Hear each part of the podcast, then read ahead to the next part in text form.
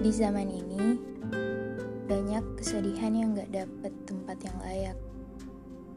Yaitu kesedihan yang tumbuh di circle di mana mereka menganggap menangis berarti kamu itu lemah. Cengeng banget sih, dasar gak tahu diuntung. Beban keluarga bisanya nyusahin doang. Nangis terus. Tahu apa kamu? Bisanya nangis doang dan banyak lagi kata-kata yang mungkin lebih menyayat hati dibanding kata-kata tadi. Banyak kesedihan yang hadirnya tuh kesalahan banget kayak kita lemah kalau kita nangis. Padahal kita cuma manusia biasa. Hidup dalam kepura-puraan itu emang gak enak. Harus tertawa padahal sedih, harus kuat, padahal kita butuh istirahat. Dan keharusan-keharusan yang bikin kita mikir, ini gua salah apa sih sampai di treat sekeras ini? Dan question-question lainnya yang bikin hidup kita jadi lebih berat rasanya.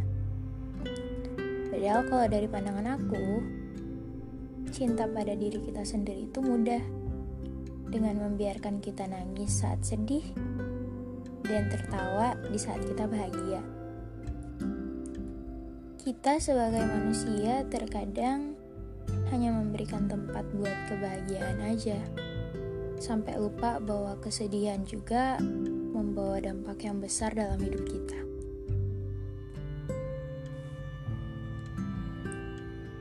Hai friends, ketemu lagi sama aku Audrey via suara di podcast Rainy Day.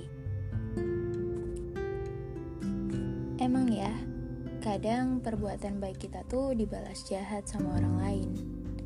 Sakit, iya kan?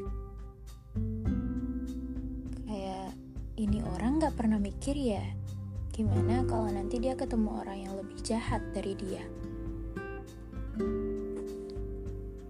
Aku pernah waktu masih sekolah dulu lagi jalan mau ke kantin terus ketemu adik kelas yang aku kenal.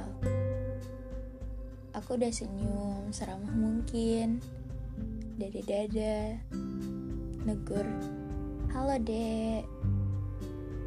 Tapi dia malah balasnya pakai roll eyes terus buang muka. Bikin aku mikir ternyata nggak semua orang bisa ngehargain orang lain. Seakan-akan dia bisa hidup sendiri. Padahal kita manusia biasa makhluk sosial. Kita pasti butuh bantuan orang lain ngomong-ngomong soal pengalaman um, bantuan orang lain. Aku pernah. Itu pas kelas 12 SMA pengayaan matematika. Itu tuh panas banget tengah hari. Ya bisa kalian bayangin lah aku nggak punya duit, lapar banget. Aku di situ nemenin temanku ke kantin buat beli makan. Pas temanku ini nungguin kan, aku ngeliatin jajanannya ibu yang dijual. Kayak enak banget. Aku pengen beli tapi nggak punya duit, Pas temanku udah selesai mau bayar, aku tiba-tiba dikasih juga bungkusan sama si ibunya. Tuh bungkusan isinya nasi ayam sama gorengan. Terus aku bilang, loh bu, saya kan gak beli. Ini kenapa saya dikasih juga? Kata ibunya, gak apa-apa dek, si adek kelihatan kayak lapar banget. Untung-untung ibu sedekah hari ini untungnya lumayan banyak. Gue kayak langsung bersyukur banget terima kasih sama ibunya. Ternyata masih ada ya orang yang sebaik ini.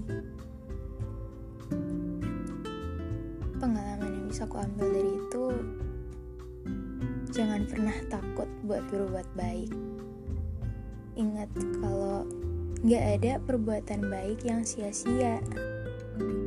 Pasti ada makna yang bisa kita ambil dari perbuatan itu. Justru kita harus takut kalau kita berbuat jahat.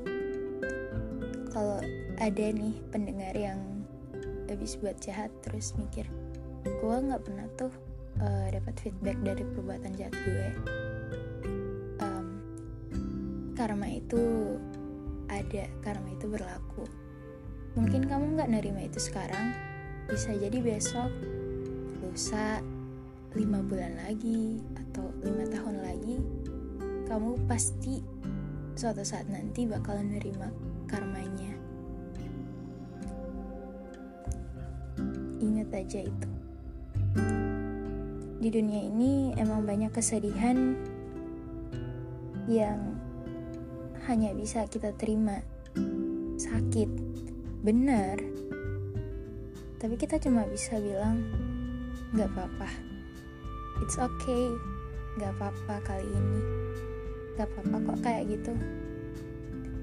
Bukan karena kita gak peduli tapi emang uh, ada beberapa hal yang cuma bisa kita terima dan jalani dengan santai sambil nguatin diri dengan it's okay.